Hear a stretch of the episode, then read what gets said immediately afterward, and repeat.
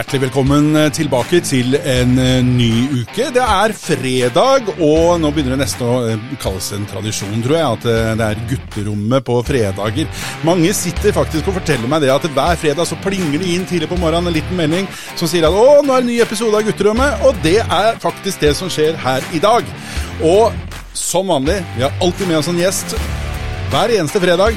Og denne dagen er ikke noe annerledes, fordi i dag så har vi besøk av tidligere TV-kjendis og medprogramleder i Pimp My Ride Norge, lokalpolitiker for Frp, ansiktet utad for bilpleiekongen, og kanskje en av landets fremste bobileksperter har kommet hit til gutterommet. Mine damer og herrer, mitt navn er Nils Halling, og hjertelig velkommen til deg, Andreas Skotner. Tusen takk, Nils. Det var da voldsomt. Ah, det er så moro. Jeg elsker å gjøre disse introene. Ja, jeg skjønner det. Fordi at det, det, det er litt sånn eh, de, de blir sånn manifest av min entusiasme. Ja, du fyrer deg litt opp, eh, merker jeg. Jeg gjør det. Jeg syns det er veldig gøy. Nå må jeg liksom åh, Jeg setter på gitaren i bakgrunnen, og så senker jeg skuldrene litt, og så Nå! det er jo gøy med høy energi, da, tenker jeg. Det er det. Ja, ja. Og jeg syns det er veldig moro å ha fått deg på besøk. Ja, så hyggelig. Fordi du og jeg, vi går faktisk ganske langt tilbake i tid. Ja, Eh, jeg tror jeg ble kjent på deg noe sånn rundt midten av 2000-tallet, eller noe sånt nå, hvor vi jobbet sammen på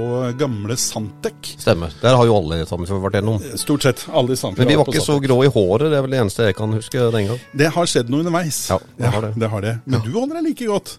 Ja, jeg fjerner jo. Eh, Tips til deg også. Det mener jeg. Fjerne det grå håret, eller Ja. farge det? Nei, jeg fjerner det grå, bare. Ja, det- Jeg kan ikke farge det. Der er jeg ikke Nei, der er du ikke. Nei. Det var gutterom, var ikke det du sa? Jo, det er jo gutterommet. Ja, ja. Nei, jeg farger ikke håret. Altså. Nei, men det er godt å høre, da. Men eh, du holder deg ung og sprek. Jo, takk. Og jeg tror en av grunnene til at du holder deg ung, ung og sprek, er at du er en fyr som har mange jern i ilden. Du, eh, du er utrolig aktiv. Ja, jeg er jo den typen som overhodet ikke klarer å sitte stille. Nei. Eh, rastløs, eller rastløs da, som jeg kaller det uten T-en, det er eh, stikkord her. Men du, eh, du kanaliserer jo energien på en positiv måte. Sånn jeg oppfatter det. Fordi du alltid finner på noe spennende og gøy. Ja, absolutt. Det er ikke alt som lykkes like bra, men det meste går det veldig bra med.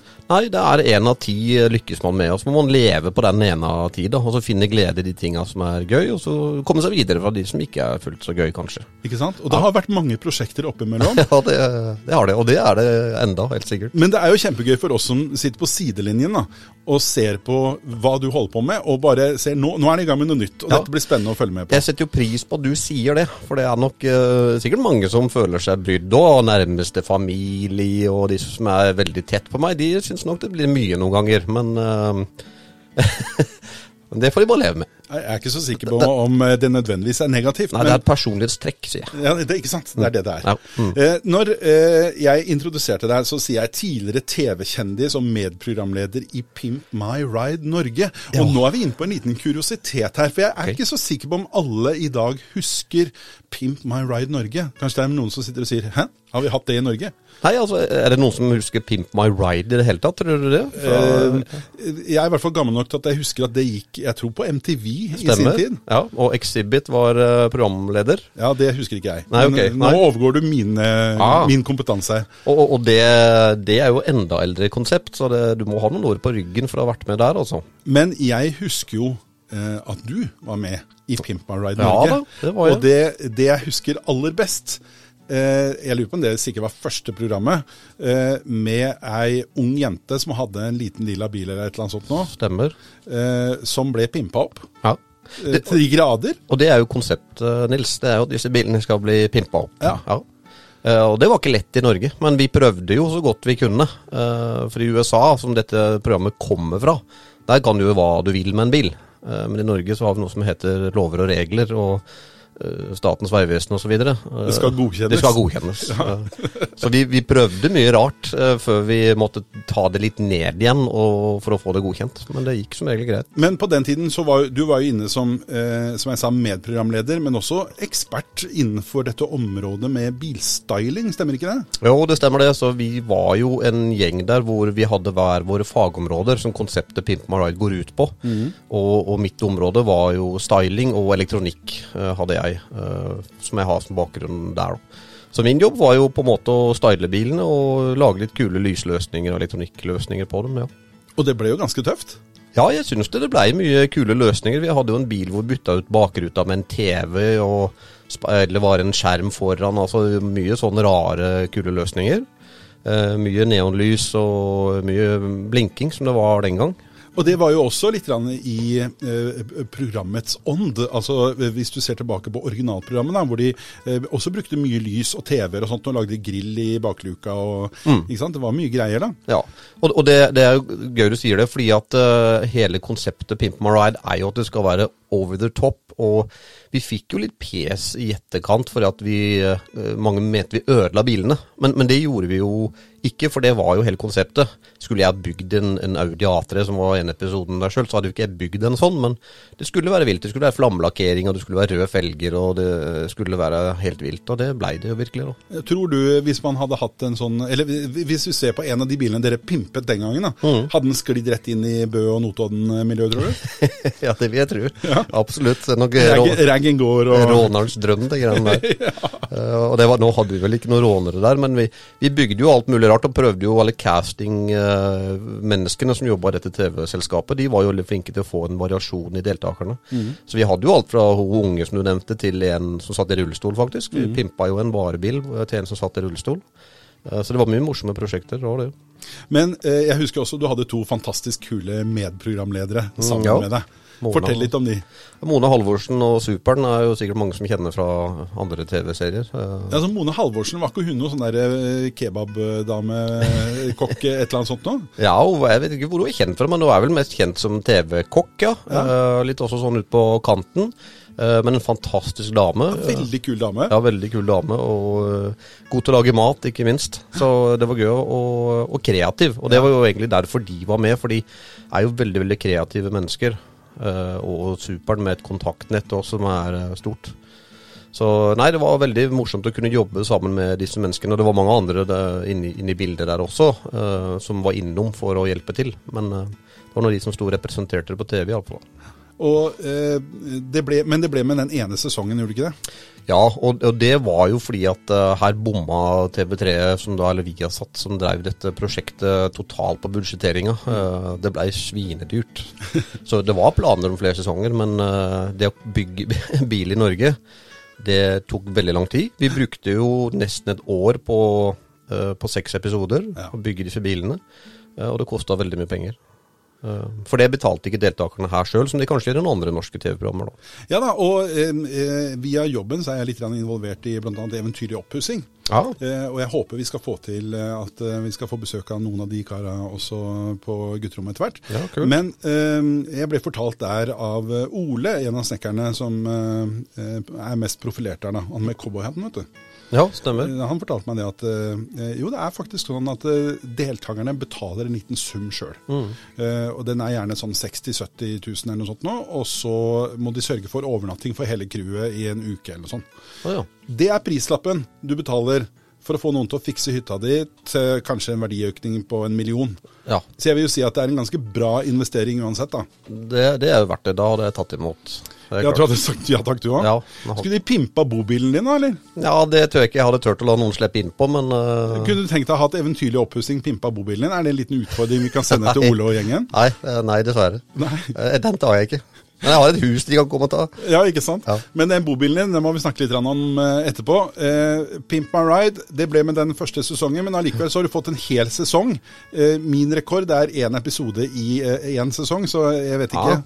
Eh, og det var jo ikke eh, Pimp my ride akkurat, da, men eh, noe helt annet. Ja, nei, det ble en hel sesong, og vi har jo vi har samla et par ganger i etterkant den gjengen for å se om vi klarer å dra i gang en sesong to. Mm. For vi er altså, Vi har jo tilgang til lokaler og verktøy og det meste, så vi kunne ha fått det til, men vi må ha et produksjonsselskap som er villig til å satse. Ja, Og det er kanskje en liten utfordring i disse dager. Ja, det er det, for det nå skjer det så mye annet, eh, tror jeg, at eh, det er vel ingen som er der. Men man skulle tro, etter suksessen med Rådebank eh, oppe i Bø, at dette med bilkultur og, og motivlakkering og pimping av biler og alt mulig sånt, faktisk faktisk ville slått an litt, da. Det, det, er, det er godt innspill, og det, er, det kan være tida igjen nå kanskje lufte det på nytt. Eh, for det er jo mye av det som er kommet i lyset. Du har jo mange kule TV-serier som Wonderland, eller hva det heter for noe, mm. på TV2 og i det hele tatt. Så Jeg har fått litt mer fokus på det. Men hva med programlederne, da? Har de blitt for grå i luggen? Antakeligvis. Nei, er, vi, vi er her ennå. Jeg tror ikke noen der hadde sagt nei til å være med en runde til. Men det interessante er jo det at eh, du har jo egentlig ikke eh, skifta så mye beite. Altså Du har gått fra, fra bildeler og pimping av bildeler til å gå over på eh, eh, Altså du er fortsatt på Kan vi kalle det styling? Altså du, du, jobber for noe som heter Bilpleiekongen. Ja. Og bilpleie det er noe som står ditt hjerte veldig nær. Ja, det, det gjør det. Uh, egentlig så lenge jeg har holdt på med bil, eller så lenge jeg har levd, kanskje òg. Det, det, er jo den OCD-greia i hjernen min som uh, tar over. Det skal se ordentlig ut? Det, ting må se ordentlig ut, ja det var det. Og eh, det er klart at eh, Når jeg har vært ute og polert bilen min og er veldig fornøyd med resultatet av den, så kan ikke jeg vise den til deg, for da bare rister du på huet og så tenker at Nils Nei, nå... det, det, er helt feil, fordi at jeg er veldig opptatt av at du skal være fornøyd med jobben du gjør. Mm. Eh, og er du det, så er jeg fornøyd. Mm. For det, og sånn må jeg gi meg hvis jeg holder på med en bil for noen eller egen, så må du på et eller annet tidspunkt gi deg. For du, du finner jo en stripe eller en prikk eller et eller annet du kan holde på med evigheter, og det må man bare må leve med at det er det? Ja, du må jo det. For det, det nytter ikke å holde på. Da kan du holde på i evigheter. Fordi du, du, har til og med eh, hjemme i garasjen, da, og dette er så genialt bra, så har du noe som heter Skotner Autospa. Ja, ja. så genialt. Jeg, jo, eh, jeg begynte jo å ta noen jobber for eh, venner og bekjente, og når du legger dette ut på sosiale medier, så sprer det seg jo som ild i tørt gress. Ja. Og da måtte jeg registrere et selskap på det, for jeg ville gjøre dette hvitt og ikke en feil vei. Ja. Uh, og da hadde det bygga på seg litt, så jeg hadde en periode hvor jeg tok veldig mye jobber, faktisk. Uh, men jeg gjør ikke det nå mye lenger. Nei, Men du syns fortsatt det er gøy? Ja, en gang imellom så syns jeg det er gøy. Fordi at via jobben din så deler jo du også dine kunnskaper eh, gjennom både videoer og podkaster har du kjørt, og dere har også et fantastisk lokale hvor dere driver skolering. Ja, gjør det. Vi er blitt, jeg vil jo påstå, kanskje Norges ledende innenfor opplæring innenfor bilpleiefaget. da. Eh, vi har veldig mye kursing av både private og faktisk profesjonelle aktører. Så vi får bilpleiefirmaer og får hobbyentusiaster og alt inn til våre lokaler. Så har vi opplæring og kurs hos oss. Eh, og sender de ut igjen med forbedret kunnskap. Og det syns jeg er veldig gøy. og Det er jo jeg som holder de kursene. Og det er et, eh, Jeg vil anbefale folk å gå inn på hjemmesida til bilpleiekongen.no eh, og faktisk se litt på disse videoene. fordi lokalet der er imponerende i seg selv, hvor dere kjører denne opplæringen. Ja, eh, og, og dere, dere, har så grisepeiling på det dere holder på med også. Så det er ordentlig gøy å se at resultatet blir bra selv for oss amatører, bare ved å bruke riktig teknikk og riktige produkter. Jeg pleier jo alltid, eh, som jeg, En av de første tingene jeg sier når vi har kurs, det er at uh, Michelangelo, da, som var en fantastisk kunstner, italiensk, han var jo ikke dyktig fordi han hadde veldig god maling. Han var jo dyktig for det satt i huet og fingrene hans. Og det kalles håndverk. Og jeg er jo ikke så veldig flink på å pusse opp hus og sånn, som du snakker om eventuell oppussing. Og, og, da kan ikke jeg gå på å montere og kjøpe meg en dødsrå hammer, og så plutselig så kan jeg bygge verdens beste hus. Og det jeg vil fram til, da, det er jo at sånn er det i bilpleiefaget også. Eh, mange spør hva er, en, hva er en god polish, og hva er beste polingsmaskina. Har egentlig ikke så mye å si. Nei. For du må kunne faget. Du må forstå hva du driver med. Eh, og når du gjør det, så blir dette egentlig veldig enkelt. Du tar vekk den der eh, redselen for å polere egen bil. Mm. veldig enkelt, og så blir resultatet veldig bra. Altså, Gode produkter hjelper deg raskere til målet. Og det er det Michelangelo gjorde. Han brukte god maling, eller god tegnehjelp, som, som førte den raskere til målet og ga han et bedre resultat. Skal vi kanskje være glad for at han brukte god kvalitet på malingen, for da kan vi fortsatt se det den dag i dag. Nettopp, ja. Så det er jo veldig fint. Så produkt er 20% og kunnskap er 80 Sånn tror jeg det er alle håndverk. Men hvor ofte må man polere bilen sin, da? Ja, det er jo Hvor lang er en meter? Altså, det er, det er eh, ved behov. Uh, hvis du har en gammel Jaguar som står i garasjen din dag ut og dag inn, som du har på biltreff en gang i året, så polerer du vel aldri den antakeligvis. Du bare vasker over den eller tørker støv den en gang du har den ut i året. Men har du en, en gammel Passat som du bruker til og fra barnehagen hver eneste dag, den må du antakeligvis polere ofte. Så svaret er jo uh, etter behov. Mm. Mange, du vil jo tro kanskje at svaret er én gang i året. Men det er jo ikke noe fasit på det. det Nei, jeg tenkte nå skulle du si at jo da, etter ja. vinteren så gjør vi sånn og sånn, og ja. før vinteren gjør vi sånn og sånn. Og, og det er jo typisk, mange tror det. Ja. Hvor ofte polerer man? Jeg polerer to ganger i året. Men hvorfor det, spør Hvorfor gjør du det? Nei, det er det man, så da tenker folk seg om og sier ja, men, ja, men jeg er ikke sikker, det er ikke det man skal da? Så, nei, du må jo du må jo vite hvorfor du polerer bilen din. Det er jo for å fjerne riper og oksidering osv. Og, så og hvis det ikke er riper og oksidering i lakken, så er det jo heller ikke noe behov for å polere. Jeg, eh, eh, jeg så på en av videoene dine for eh, ja, nå er det nok noen år siden. Eh, og så så jeg du brukte en sånn helt spesiell bøtte når du vasker bilen. Ja, Og så tenkte jeg hva faen er vitsen med det? Liksom, jeg kan bruke en vanlig bøtte og svampkluten som ligger nede i bånn og sånt nå. Ja. Og så skjønte jeg jo det etter hvert at det er kanskje ikke det lureste når du driver og vasker av skitt og møkk, og så lander den skittet og møkken ned i bånn, og så ligger kluten der og drar med seg det hver gang du begynner å vaske på bilen igjen. ja. Så riper du opp bilen. Nei, det, det er jo, Selvfølgelig kan du bruke en vanlig bøtte, men, men igjen her blir resultatet bedre av å bruke utstyr som er beregna for formålet. da. Eh, og Det samme her, Du kan uh, sikkert uh, snekre et hus i en Armani-dress også, men eh, resultatet av klærne dine blir bedre om du har på deg en arbeidsdress. Så det er å bruke utstyr som er beregna for det du driver med, og det igjen er sånn her i bilpleie. Og det er mange som er kreative i bilpleie. De, de går i skapet til mor eller far eller hvem som vasker bil, og ser om det er eh, noe oppvaskmiddel de kan bruke. Grønnsåpe. Eh, Ja, det var du som nevnte navn her, men eh, det er ikke alltid det går like bra da, altså. Nei, det er lut. Ja, ikke sant? Kanskje ikke det beste å ha på lakken. Nei, og plast og gummi og alt mulig, det tørker Ja. ut uh, pang. Ja. Men du, jeg tror faktisk du har rett i det. At det er uh, det, det, det brukes nok mer husholdningssåpe til å vaske biler i Norge enn uh, ordentlig bilsjampo. Ja, dessverre. Norge ligger veldig langt etter på denne kunnskapen i forhold til Tyskland og England, som, uh, hvor det er stikk motsatt. Eh, jeg treffer fortsatt veldig mange som sier at dette er det dummeste jeg vet. For sånne bilsåpe, det er bare noen som har laga noe for å tjene mer penger. Det er jo ikke det. Eh, der ligger ganske mye forskning bak det, faktisk, for å gjøre det skånsomt. Det er sikkert samme fyr fyren som vasker bikkja si med grønnsåpe òg. Ja, eller håret sitt antageligvis, da. Håper jeg han også gjør. Kjempedeilig å vaske håret med grønnsåpe. Ja, så, men- og da er det greit. Hvis du har kun grønnsåpe i livet ditt, ikke noe annet, så skal jeg holde kjeft. Men uh, hvis du har Lano til å vaske hendene dine med, og Define til å vaske håret ditt med, da må du skjønne at du må ha noe eget til bilen din. Ikke da sant? Ja. Men nå våres det. Det er så deilig ute. Ja. Eller kanskje ikke akkurat i dag, for når vi spiller inn dette her sånn, så har det vært litt eh, regn og litt eh, dårlig vær og litt kaldt. Ja, det Men det begynner å bli varmere. Ja, ja.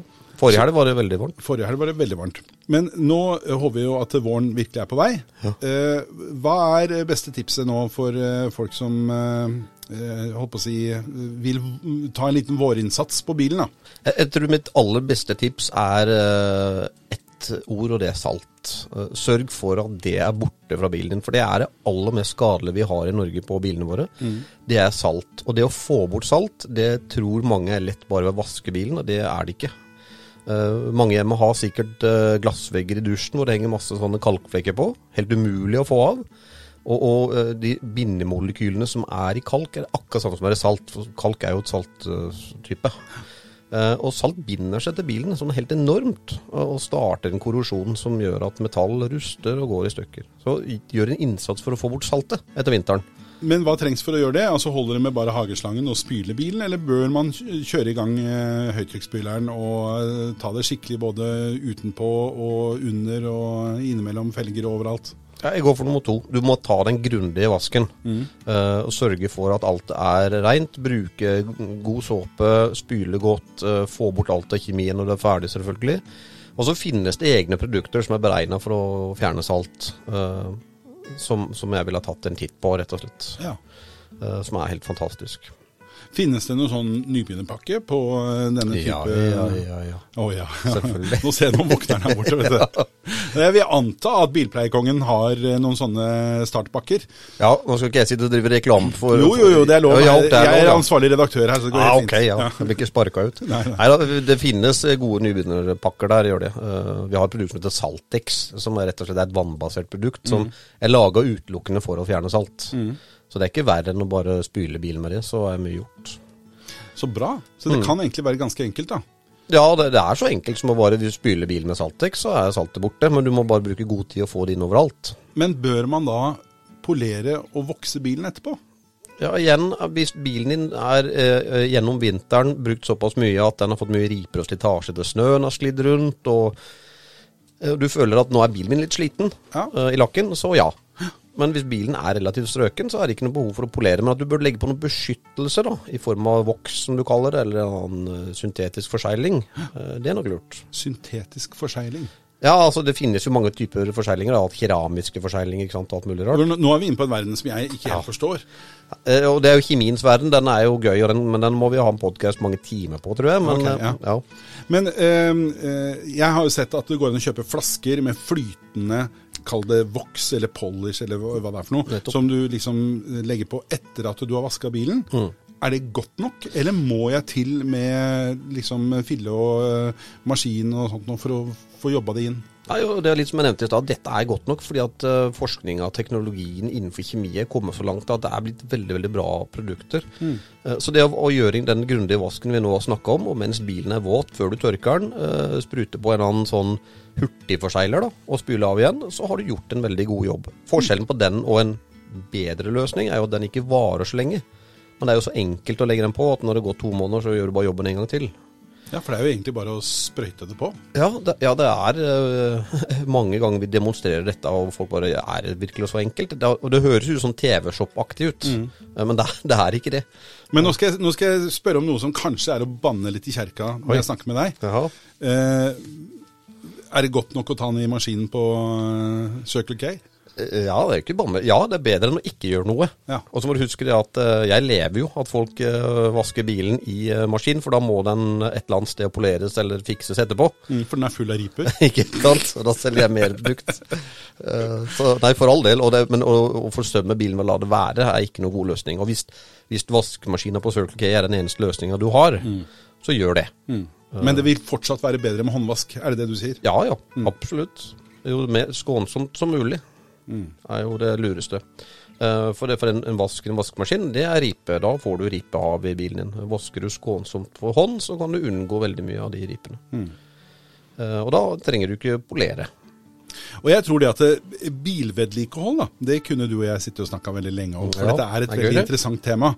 Men jeg har egentlig invitert deg inn hit for eh, å snakke om noe helt annet i dag. Ja.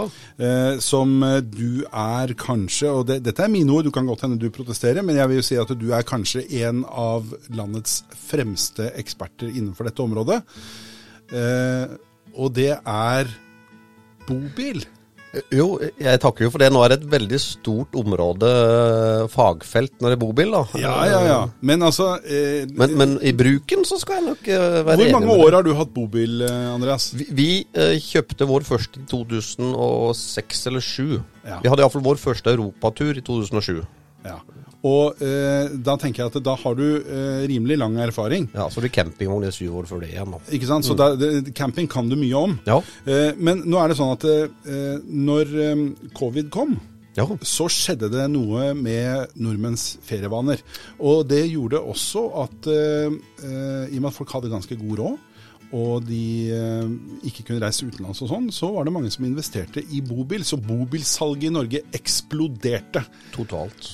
Eh, og eh, jeg tror at den interessen eh, for bobil, og jeg har hatt bobil selv i noen år, og syns det var helt genial ferieform.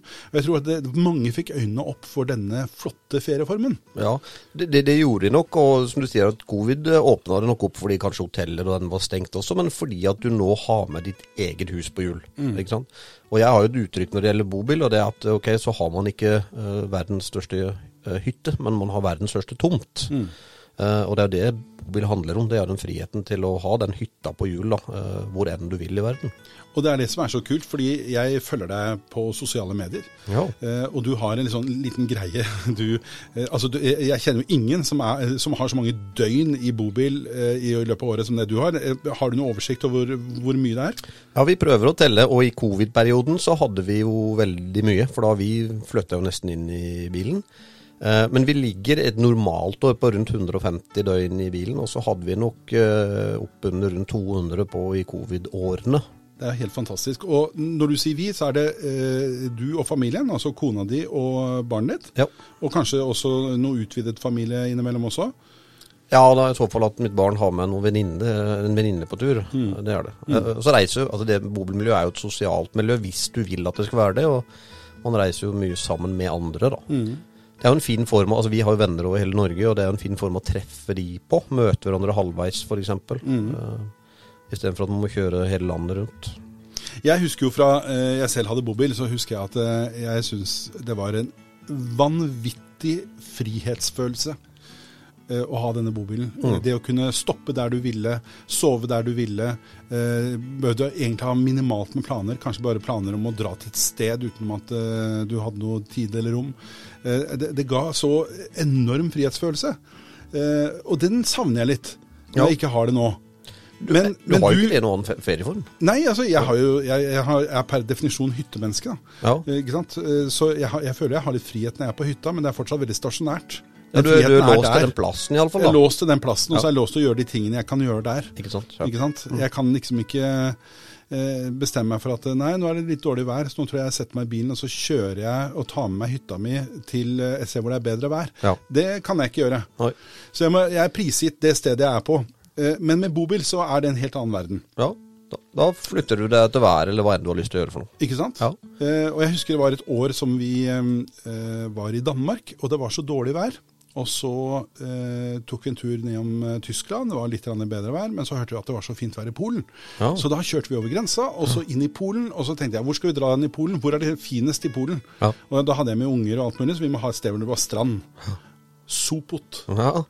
Populær plass. Ja, veldig populær plass. Ja. Og så fant vi en sånn liten uh, campingplass uh, rett ved stranda. Inni skogholter der. Inni, du har vært der, ja? og helt fantastisk. Det var bare å gå over den der lille boardwalken, eh, og så var du på stranda. Ja. Og det, det, var, det var som å være i Syden. Det var en virkelig flott opplevelse. Nei, det er, det er, også kan, Du kan velge, for hvis du er strandtypen som vil ligge i, kjøre etter varmen, ligge på stranda, så er det et perfekt reisemål, for da har du muligheten til å flytte deg til Yr, eller kanskje andre bedre uh, værting nedover Europa.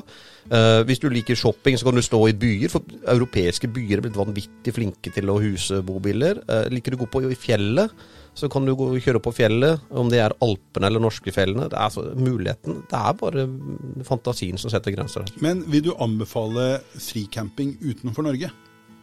Ja, altså Fricamping det betyr jo da at man ikke står på en eller annen eh, offisiell plass for bobil. Altså altså Enten det de kaller en stellplass, eller en eh, campingplass. Ja, I Norge så har vi jo det som er allmannaloven, altså hvor du kan stå hvor du vil Mm. lovlig. Det har man ikke i noen andre land i Europa. Eh, så man skal være litt forsiktig med det. Uh, skal iallfall ha en tillatelse stå der du er. Så, eh, så jeg ville ha bare I Norge så kan du gjøre som du vil, men eh, utenlands så skal du være litt eh, Ha huet med deg da, når du, eh, hvor du parkerer den. Det skal du. Eh, men, men fricampe vi, vi har jo ofte stått på f.eks. kjøpesentre da, inne i en by eh, med et stor parkeringsplass på utsida. I Europa. Ja, eh, men så går jeg inn og spør. Eh, hvis vi kommer til åpningstida, så spør jeg gjerne inne om, eh, Om det er greit. om det er greit at vi står der. Ja. Men eh, hva med sikkerhet, da? Um, det, er litt, det som er litt gøy med bobil, er at det, om dette her er mye sånn eh, rykter ute og går. Eh, hørt om eh, folk blir gassa og det hele tatt. Eh, Det er jo kjempeskummelt. Ja, men det er bare sprøyt. Er det bare sprøyt? Det er bare sprøyt. Eh, Er det ingen som har blitt gassa? Nei, altså, jeg, jeg har uh, traff en kirurg nede i Italia for noen år siden. Han sa at det er det dummeste han hadde hørt noen gang. Han har jobba med anestesi i 70 år, eller hva det for noe. Han var ikke så gammel, men. Og han sier at hvis du skal gasse noen inn i en bobil, et svært rom, og noen sover jo ned på gulvet, og noen sover i en alkove oppunder taket. Så for det første, for å få nok uh, gass til at noen skal klare å sove i en bobil, så må du ha med en hel tankbil. Oi. Eh, og hvis du skal fylle den bilen med gass, så hadde jo de på gulvet daua lenge før han hadde sovna han oppi taket. For den gassen er tung. Så det at noen blir gassa, det er eh, for han så var bare tull. Men at det er kriminalitet, at folk blir tatt, det, det, er, eh, det er ikke noe problem, det. Men det er nok mye sånn at oi, nå var jeg litt uheldig, nå skal jeg få ting på forsikringa. Eh, og, og så var jeg sikkert pes for det, men det, er, det her handler bare om å bruke huet. Uh, og jeg ser mange, ofte eldre dessverre, og, jeg prøver å hjelpe dem nedover. Har lommebøker og kamera, alt ligger på dashbordet og ligger framme. Og så er det to glass med rødvin, og så er de i senga og sovner. eh, og da ber du om at noen skal inn og hente tinga dine. Så legg det bort, gjem det bort. eh, lås ordentlig og ta deg en runde før du går og legger det. Uh, Iallfall hvis du står på litt shady sted. Så er ikke dette noe problem. Igjen, vi, nå har vi kjørt x antall år rundt dette kontinentet. Vi har to turer i Europa hvert år. Det betyr at jeg har vært noen titalls ganger nedover i kontinentet. Aldri hatt et problem. Um, Nå jinxer jeg jo sikkert, men uh... Nei, nei, nei. Men eh, jeg har eh, også kjørt flere år eh, i Europa, og har heller aldri hatt et problem. Men nå var vi veldig nøye, med bare en håndfull unntak, så var vi veldig nøye med at vi alltid bodde på campingplass. ja. Og nedover i Europa, spesielt Tyskland, Frankrike og de områdene hvor jeg kjørte mye, da, så det var jo null problem å finne gode campingplasser. Det er det. Og veldig ofte så ligger de idyllisk til også, så hvis du har med sykkel og sånn, så kan du ofte finne flott turterreng. Og mange av dem ligger også ganske nært storbyer, f.eks. Paris og Berlin og sånt noe. Det hva dere gjør. Ikke sant? Berlin så var vi på sånn Berlin City Camp, lå et lite stykke utafor. Bussholdeplass rett på utsida. Bare parkere bilen og ta bussen ned til sentrum, og så er du rett i Berlin sentrum. Ja, og- Uten å måtte kjøre gjennom byen. Og er det størrelse på campen, så har de ofte egen transport kanskje innen, ikke sant? Og har, har systemet for det. Så, så det er helt riktig. Jeg vil anbefale å bo på sånne steder. Uh, så det vil jeg jo selvfølgelig gjøre. Men eh, bobil, eh, det er jo kostbart. Eh, Ja, det trenger ikke være, men Nei, men altså, det, det, det, altså alt er per definisjon, men eh,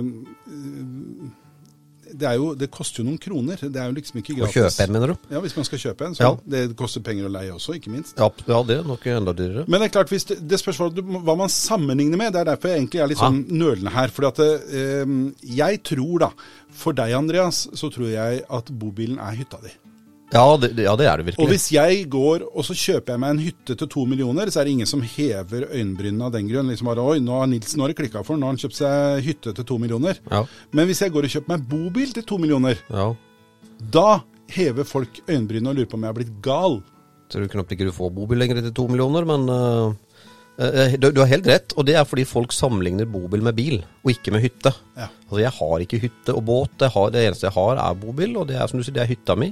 Og da er jeg villig til å investere i den, og se på det som en, eh, en, en hytte. Og så er det investering med bobil òg. Sånn som prisene, som du sier, nå er etterspørselen har jo vært helt enorm de siste åra. Ja. Så går prisene oppover, oppover i skuddfart. Men gjør den det fremdeles? Ja, faktisk. For jeg forventet jo nå når covid var over, at eh, nå vil jo mange føle at de skal kvitte seg med dette her, og skjønner at de må ta et tap. Men jeg føler ikke at det har skjedd på Finn ennå, for jeg sitter jo og følger med litt. da. Ja, jo, men det, altså, når vi er på fjerde-femte bil eller noe sånt, og vi, alle bilene vi har solgt, har vi solgt med profit i en eller annen form. Enten gått til null eller litt pluss. Det er godt gjort. Eh, ja, det er helt så. Den jeg har nå, kan hvis jeg selger den i dag, så går jeg veldig bra i pluss. Fordi den bilen du har i dag, det er ikke noe hva som helst. Nei, det er det nok sikkert ikke. Det er nok iallfall ikke noe for begynnere. Det er det nok ikke. For det er eh, eh, Morello, er det riktig eh, uttalt? Stem, ja, Ja. stemmer det. Eh, hvor kommer det fra? Det kommer fra Tyskland. Det er en eh, by midt i Tyskland som heter Schlüsselfeld, som de bygges. Bygges for hånd. Og dette er jo ikke noe småtteri. Det, vi, vi snakker jo om en bobil som er på størrelse med en liten buss her. altså. Ja, det er jo, du må jo ha lastebilførerkort for å kjøre dette. Det er jo et 7,5 tonns bil. Da. Så C1 eller, eh, eller minibuss. Eller minibuss veit jeg jo faktisk, men du må ha C1 før lastebillappen for å kjøre den. Men med 7,5 tonn så kan du ha med deg ganske mye bagasje. Ja, det er ca. halvannet tonn. Den er seks tonn egenvekt, altså totalvekt på 7,5, så jeg kan ha halvannet tonn med bagasje. Ja. Uh, og det går fint så lenge du er i Norge, men når du skal nedover i kontinentet og du stopper innom Flensburg, så blir det fort uh, tungt. Og når du sier Flensburg, så må jeg le litt, da. For jeg, jeg, du har en hobby til, du, Andreas. ja, øl veier mye. Eh, Ikke sant? Og den hobbyen din, den er jo øl. Og nå høres det forferdelig stygt ut når jeg sier at hobbyen din er øl, men du er jo en, en ølfeinschmecker. Altså, du, du smaker forskjellige typer øl. Ja, veldig glad i øl. Det ser man jo på magen min. Heldigvis så ser man jo ikke det, de som sitter og lytter. Men, men øhm, altså, tenker jeg, du er ikke ufin. Altså, øl er jo en respektert og anerkjent øh, hobby blitt. Er det ikke det, da? Jo, jeg vil jo tro det. Nå sier du at de, de ser ikke det, de som sitter og lytter, men vi kan jo fort eh, gjøre noe med det. fordi at nå finner jeg fram eh, mobilen. Og så, så skal vi ta et lite bilde av deg, Andreas. Så må du smile til kameraet. Hold igjen magen her, da. Ja, ikke sant? Sånn, et lite bilde av Andreas til eh, våre Facebook-venner. Eh, mens vi spiller inn Gutterommet. Det, er, det har vi ikke gjort før. Nei, se det. Nå har du en ny greie gående.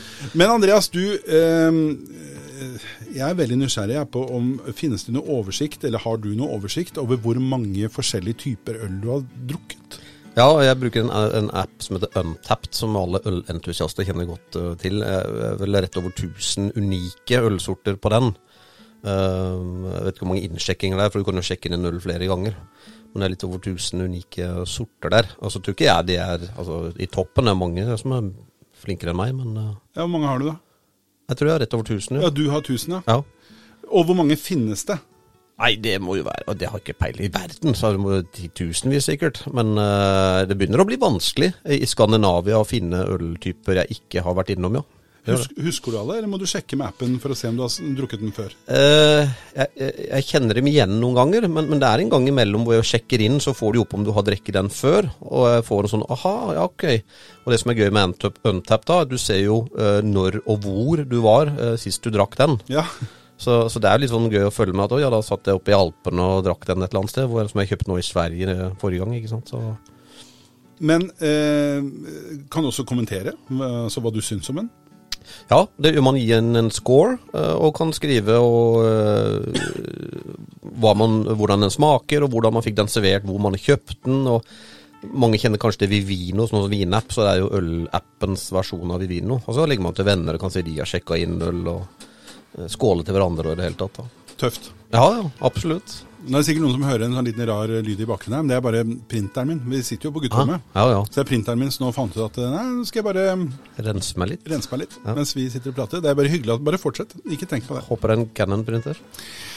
Eh, nei, det var en HP-printer.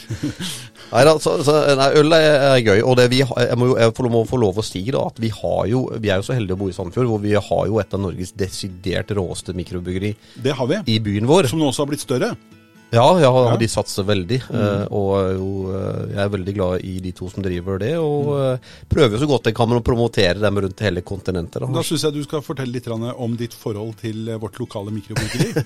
Fjordfolk mikrobryggeri i Sandefjord, det er jo, de er veldig flinke. Det er jo to ordentlige ølentusiaster som eh, har liksom bevart litt av den derre eh, gode, gamle bryggetradisjonen. Selv om at de kjøper svære tanker og er blitt, eh, er, har de største tankene i landet. Men ikke foreløpig. eh, Håper jeg de holder oss der og ikke solgt seg ut til noen større bryggerier og helt tatt. Og holder litt på De har heller kjøpt opp. Ja, mm. kjøpte på Tønsberg nå, på Færder. Mhm. Eh, Som har nok et annet lokalt bryggeri, da. Så eh, er veldig, veldig flinke. Og har jo Ølgrotta nede på Meny i byen her. Må absolutt anbefales. Jeg Ja. har fulgt dem på disse utsalgene deres, og gjerne til høytider og sånt nå, jul og sånn, så har jeg pleid å kjøpe juleøl og, og litt annet godteri der, da. Som jeg syns er veldig hyggelig. Kjempe inngangsport. Hvis du er, syns øl er litt gøy, men litt usikker, så er de som jobber nede i Ølgrotta på butikken her, superflinke til å hjelpe deg på, på rett vei. Eh, Men eh, du er jo da en ølkjenner. Ja. Eh, og det viser du også på sosiale medier. Så for de som har deg på Facebook, så har de helt sikkert sett at du sjekker inn da på et eller annet sted med mobilen på reise, og et glass øl eller en boks eller en flaske i hånda, og så sier du 100 grader i Arendal. Jeg tror jeg tar natta her. Og det, er- det er uansett årstid, så er det 100 grader. Ja. Hva er greia med den? Jeg tror jeg har gjort det i tre år nå. Ja, du har gjort det. Eh, Ja. Det må jo være eh, snart eh, 1000 innlegg med 100 grader. Ja, det er det nok. Eh, Og, og eh, jeg, jeg bruker egentlig Facebook, sosiale medier, veldig lite ellers. Eh, For det er bare det. Jeg bruker det egentlig bare til det. ja. Så det er ikke så mange andre innlegg fra meg enn bare de. Nei, Det begynte, det begynte i Sandefjord, faktisk. Mm. Hvor det var en dag det var veldig varmt, og så var jeg sikkert fin i form. og jeg er jo en type som er glad i å overdrive òg, da. Eh, Så da var det sånn, da skulle jeg vise alle at her, nå satt jeg som finnes det, så jeg la inn det. Og så fikk jeg eh, noen dager etterpå sånn minne på Facebook at jeg hadde lagt det ut. Og da tenkte jeg at jøss, det er en himla fin måte å tagge, eller sjekke inn på et sted, da. Eh, og en lang historie kort er jo at i løpet av de tre åra så har jo jeg en utrolig fin reiselogg fra hvor jeg har vært den. Og kanskje da også, som du sier, litt morsomme øl jeg har hatt der. Så nå kan jeg gå inn og se at uh, når var det jeg var oppe i, i Dolomittene sist, så har jeg jo loggen på Facebook der, for da har jeg sjekka inn 100 grader, da. Ja. Og så er det blitt greia, og jeg treffer ganske mange bobilfolk faktisk, som kommer bort og ler. av det. det er vel 100 grader her i dag, da. Ikke sant? Så det er, det er blitt en greie. Ja, det står, det står ikke sånn 100 grader-logo på bilen din, liksom. Nei, men jeg har vurdert at det Ja, er vel snart der, ja. Et lite tips fra Nils her, at eh, kanskje lage noen 100 grader-logo. Ja. Det hadde vært tøft. Så hvis du ligger bak en Morello med 100 grader bakpå, så vet Da du hvem det er. du, vet du hvem det er som ja. sitter inne her. Og hvis du camper ved siden av 100 grader, så vet du at sannsynligvis er det en liten øl å få. Ja, absolutt. Det skal jeg spandere på. Veldig hyggelig. Men eh, Eh, jeg syns vi må ta opp tråden igjen med dette med bobil, fordi eh, det fascinerer meg, og jeg tror det fascinerer veldig mange andre også. Mm. Eh, hvis man eh, nå tenker at bobil kan være årets ferieform, eh, vil du anbefale at man kaster seg ut i det og kjøper sin første bobil, eller leier man først? Mange ønsker jo å leie det, men jeg tror 99% av de jeg snakker med som har leid, eh, sier at dette var fantastisk, jeg kunne tenkt meg å kjøpe. Så hvis du helt vurderer å kjøpe, så er det bare å hoppe i det. Men så er det mange av disse forhandlerne. altså Lei da av en forhandler. Mm. For de aller fleste der de trekker fra leiesummen hvis du kjøper en bil av dem i etterkant. Oi, Men uh, det, mener du at det kan være noe utrygt med å leie av private? Nei, det mener jeg ikke, men da er det jo en utgift, da. Ja, det, og, det er dyrt. Ja, altså, det koster jo nå fort 15 000-20 000 kroner i uka for å leie en bil. Det blir mye penger av det. Ja, det gjør det. Uh, og, og, hvis du leier av de private, så er veldig ofte bilen er litt herpa, for å være ærlig. Mm. Uh, mens forhandlere er jo opptatt av å holde dette i orden. Mm. Og, og, skal du få opplevelsen av bobil, så er faktisk bilen uh, like viktig at den er i orden. At ting funker. At vann og gass og alle ting funker i bilen. Det er ikke noe gøy å dra på ferie i en bil som ikke har varme og ikke vann og ingenting. Overhodet ikke, og kanskje ikke noe systemer for å hjelpe deg hvis ting ikke virker heller. Nei. Så, så, det er ikke noe mot uh, private. Det finnes sikkert mange dyktige der ute, men uh, Men da tenker vi at det kan være en uh, god idé å faktisk leie, da, hvis man har lyst til å prøve bobil for første gang. Ja. Så er det en god idé. Ja. Men hvis man har tenkt å kjøpe, Uh, og nå, nå, er Det sånn, det blir liksom hva slags bil skal man kjøpe? Det blir et vanskelig spørsmål. Mm. Men det er, så, det, er et, det er, et, hav av muligheter der ute. Man har bobiler fra mange millioner kroner og ned til kanskje 150 000-200 000 kroner. Men da er vi på det laveste sjiktet. Ja. Altså, hvor skal man legge seg som en førstegangskjøper? På, på, pris, mener du? ja, altså det, det, Hvor vil det være naturlig? Jeg vet det er et vanskelig spørsmål. Jeg, jeg, jeg ser mange som ikke kan bobiler i hele tatt. De tror jo at dette er mye rimeligere enn det er. Mm. Uh, dessverre, i gåseøynene er jo bobiler blitt uh, kostbart og dyrt. Uh, og jeg ser mange som sier nei, jeg setter meg et budsjett på 500 000, da får jeg sikkert en fin en. Mm. Og det gjør du dessverre ikke lenger. Da får du en gammel, liten en. Uh, så at du må, du må, beregne noen kroner, men, men, du må se på det som en investering i livskvalitet, og sammenligne det med hytte, og ikke mm. med bil. Mm. Det er ikke en bil, dette her. Det er et rekreasjonsmiddel. folk kjøper da båter i denne fjorden her til millioner av kroner som de aldri bruker engang. Mens en bobil kan du bruke hver helg hele året hvis du vil det, eller hver dag. Mm. Så, så, eh, så legg noen kroner, men, men ikke, det er ikke noe vits i å gå helt bananas på første bilen, for det er alltid sånn, og mange jeg treffer, at den tredje bilen, den sitter. Kanskje andre òg, da, men, men iallfall tredje. For den første bilen, da begynner du å finne ut at jeg skulle heller hatt det, jeg skulle hatt det, og uh, man får litt ønsker underveis da når man lærer å kjenne og bruke dette her. Mm. Uh, så, og da er man investeringsvillig. Og jeg har jo gått hele stigen, jeg også. Første bilen vi kjøpte var jo en 499 knøttliten en til 400 000 kroner. Og så, så, finner man ut at man ønsker å gå opp uh, mer og mer. da. Og på et tidspunkt så finner man ut at dette er livet, og så investerer man uh, tyngre i det. da. Og du har jo i utgangspunktet på det meste kanskje hatt flere netter i bobilen din enn det du har i huset? Ja, ja, ja, ja i covid-åra så hadde vi jo det. Ja. Uh, vi har det. Uh, og vi er jo så privilegerte begge vi to uh, hjemme at vi kan jobbe fra bilen. Ja. min kone jobber 100% hjemmefra digitalt. Og da, så fort barn har fri fra skolen, så er jo vi av gårde. Uh, da jobber vi begge fra bilen, og jeg kan benytte muligheten ut og besøke kunder og i det hele tatt. Og, når verden var stengt ned, så var det bare å være i bilen hele tida. Må du bare hjem og tømme posten en gang imellom.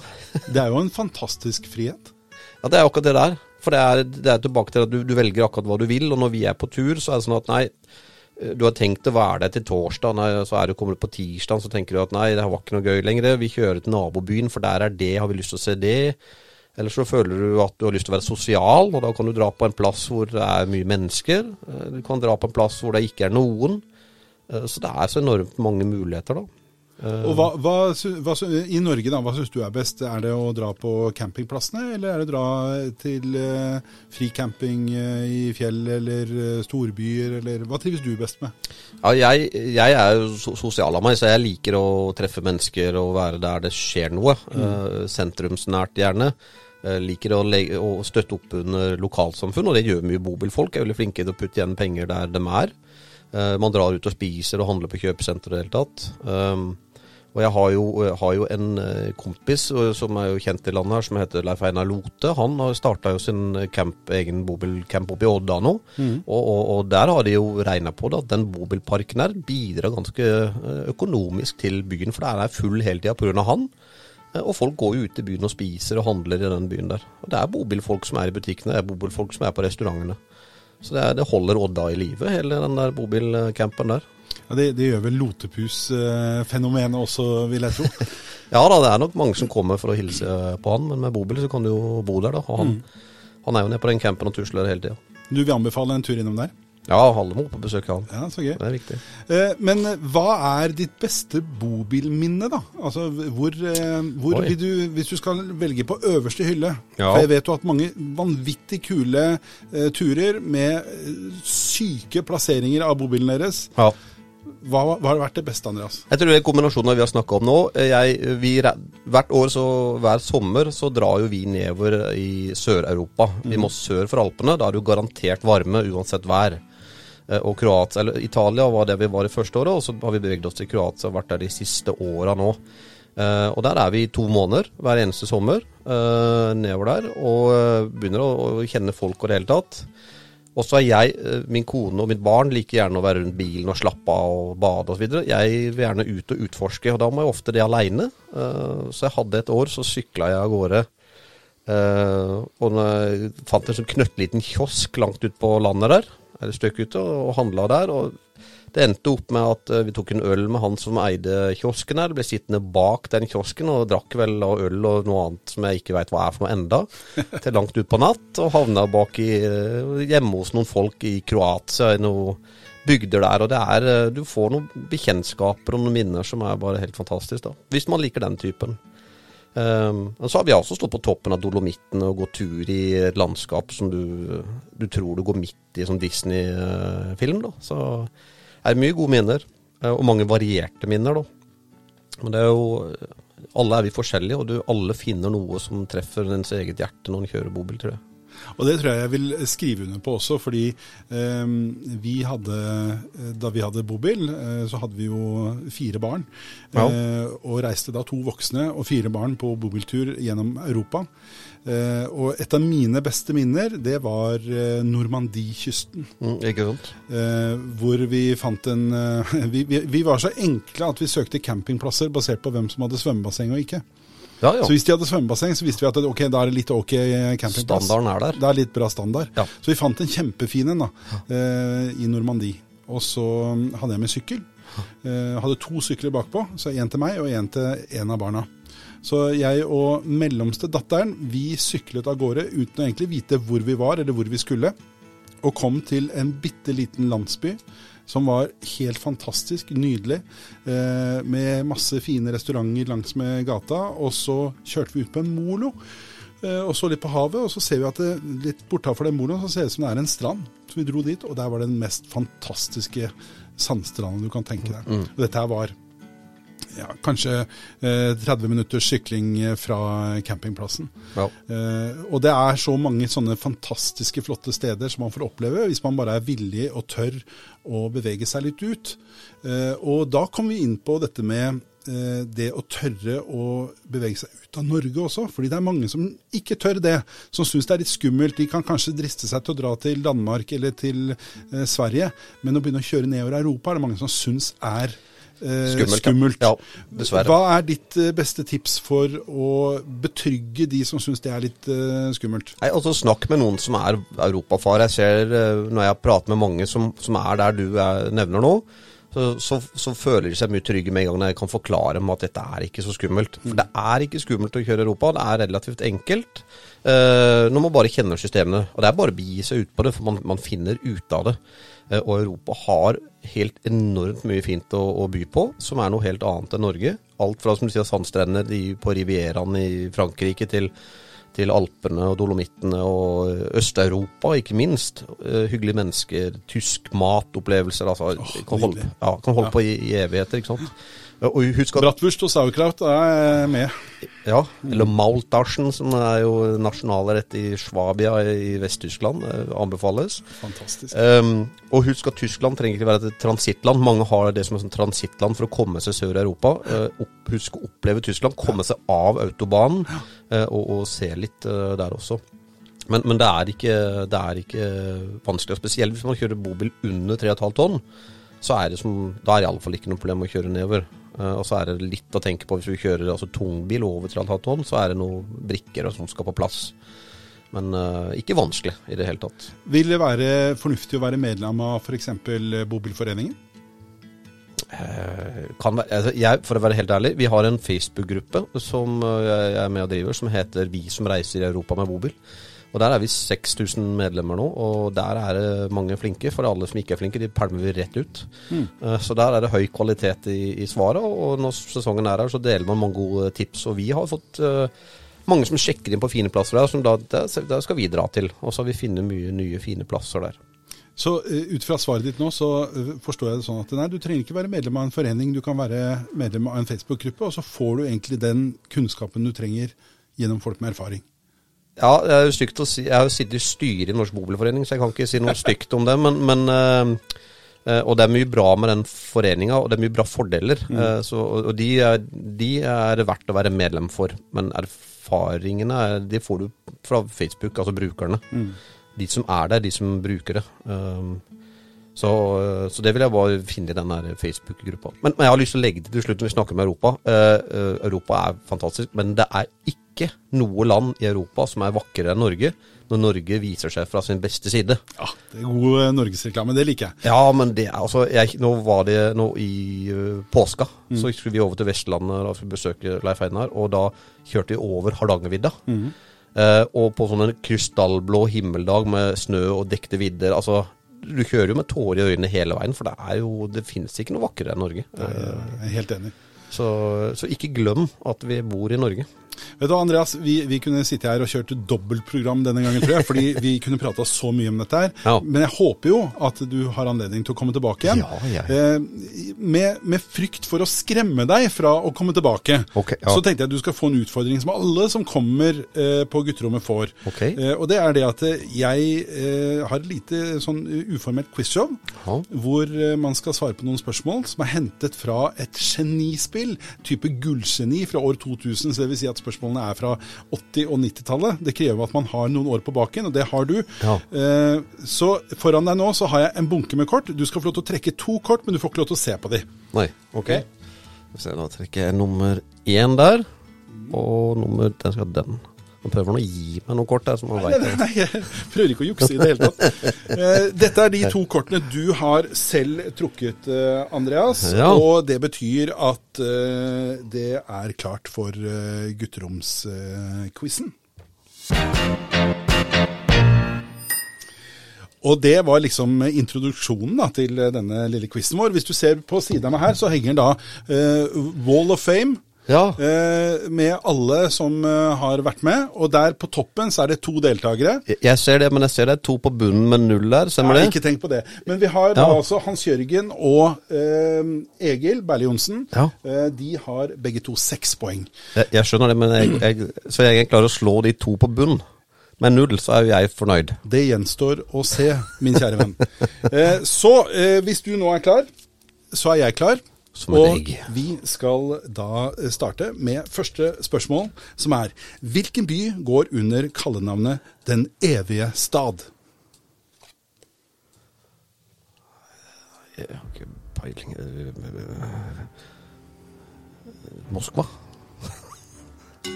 Det var feil, dessverre. Det er Roma. Ah, Hvor ble det for første gang boret etter olje nord for 62. breddegrad? Jeg blir imponert hvis du tar den. altså. ja, det har, var det på dette her på den TV-serien, men uh, jeg husker ikke hva de feltene heter for noe. Uh, Hvor ble det for første gang boret etter olje nord for 62. breddegrad? jeg har ikke peiling. Og riktig svar, det er på Tromsøflaket. Ja, det hadde jo aldri vært nærheten å tror jeg. Nei, ikke sant. Ikke Stavanger-området, altså. Eh, Vi har to spørsmål 60 og null poeng foreløpig. Ja. Tredje spørsmål. Hvilken fotballklubb går under kallenavnet eh, Magpies? Ja, fotball, det er, ikke, det er eh, Ajax. Og riktig svar er ikke Ajax, men Newcastle. Ja. Ok. Jeg er stolt av ikke ikke kunne, Nils. Ja, vet jeg, jeg følger deg på den. Ja. Hvilken middelaldertradisjon var Martin Luthers 95 teser en protest mot? Du som er europamann Ja. og tysk, Tysklandsvenn. Ja, ok. Mm. Det måtte da Pining av folk, da. Eh, vet du hva? Det skal Nei. du flate meg få for, fordi det er avlatshandel. Nei, Jo, se her. så det er pining. Vi sier det. Avlating. Den, det, det ble ett poeng. ja, ja. Ja, Vi er på femte spørsmål. Hva er artistnavnet til den kjente gitaristen i Guns N' Roses? Den tar du. Axel? Er det svaret ditt? Nei, eh, ja, jeg vet ikke. Riktig svar er Slash. Slash, ja. Mm. Det tror jeg du visste. Ja. Det er noe press, vet du, Nils. Jeg vet det er under press. Det er et Mm. forferdelig grusomt press på gutterommet når du sitter i stolen og må svare. Sånn uh, gigakviss. Ja, ja. Hva er det spyttet inneholder som bryter stivelse ned til sukker? Enzymer. Å, Andreas.